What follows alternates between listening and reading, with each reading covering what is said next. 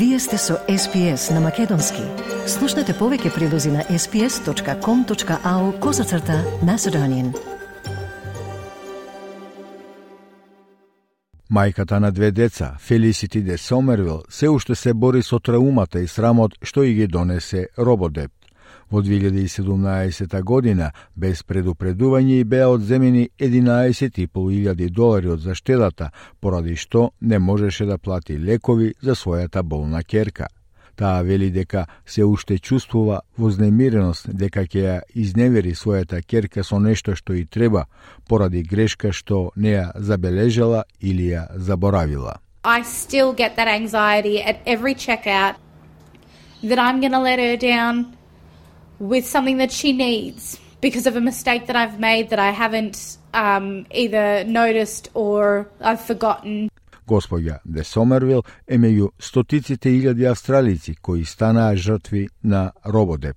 Групната тужба покажа дека 750 милиони долари биле погрешно повратени. На судот му беше кажано дека некои од долговите се поврзани и со самоубиства.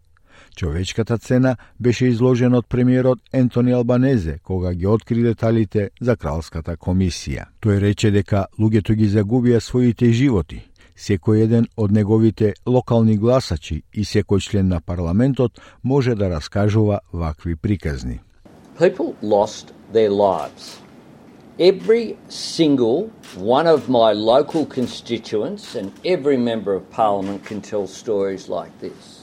Прајминистерот фели дека истрагата ќе испита кој бил одговорен за шемата, зошто тоа било необходно, како се постапувало со загриженоста, предизвиканата штета, трошоците за даночните обврзници и како да се спречат слични негативности во иднина. Според него, одвително значење е да дојдеме до дното и да се види како дошло до тоа, за да можеме да се осигуриме дека никогаш повеќе нема да се повтори.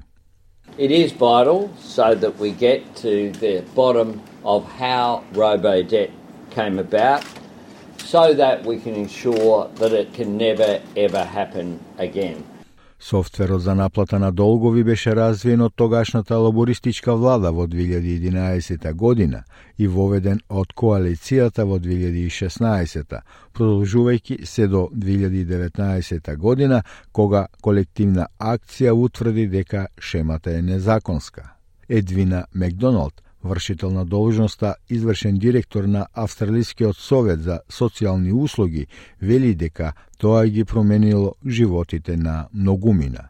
Таа вели дека луѓето едноставно беа сериозно трауматизирани од оваа програма. Таа предизвика стрес, анксиозност и депресија. people were just severely traumatised by this program. It caused uh, severe stress, anxiety, depression, and that, that's not something that you just move on from.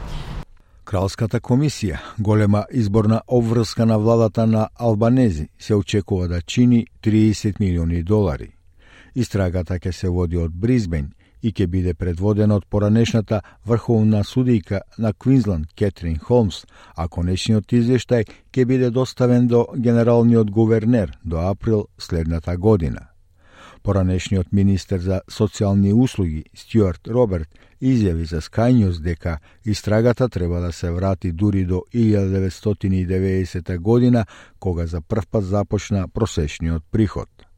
If it's only looking back a last few years, well, then it is what it purports to be. It's just the Labor Party looking backwards and settling scores.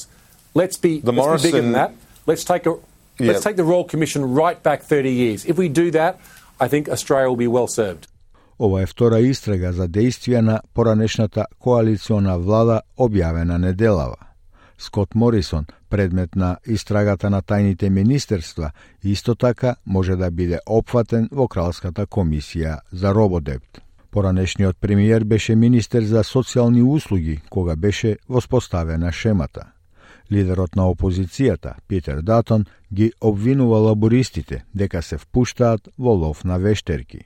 Тој вели дека Ентони Албанези поминува повеќе време гледајќи во ретровизорот, отколку што гледа напред во она што ќе се соочи со австралискиот народ. Премиерот е повеќе загржен за политичките игри што може да ги игра на многу незгоден начин во Камбера и јавноста ќе го препознае тоа, вели Датон. Anthony Albanese is spending more time in the rear vision, looking in the rear vision mirror, uh, than he is looking ahead at what is going to confront the Australian public. The Prime Minister is more worried about uh, you know the political games that he can play in a very tricky way in Canberra. And I think the public's going to call that out soon enough. No zažrtvite kako Felicity de Somerville ova ne politika, tuku to je zapravda i odgovornost. Господја Де Сомервил се надева дека ќе може да даде докази во истрагата. Таа меѓу другото вели дека луѓето изгубија бракови, банкротираа, ги загубија своите куќи и некои луѓе ги загубија животите. Тие луѓе не се тука да дадат докази, тие не се тука да зборуваат за себе, па некој мора, И ако тоа некој сум јас, тога сум горда што сум таа личност. They've lost marriages, they've gone bankrupt, they've lost houses, some people have lost their lives. And those people aren't here to give evidence and they're not here to speak up for themselves. So someone has to, and if that someone is me, then I feel quite proud to be that person. Stisnete mi se dopaja, komentirajte. Sledite ja SPS na makedonski na Facebook.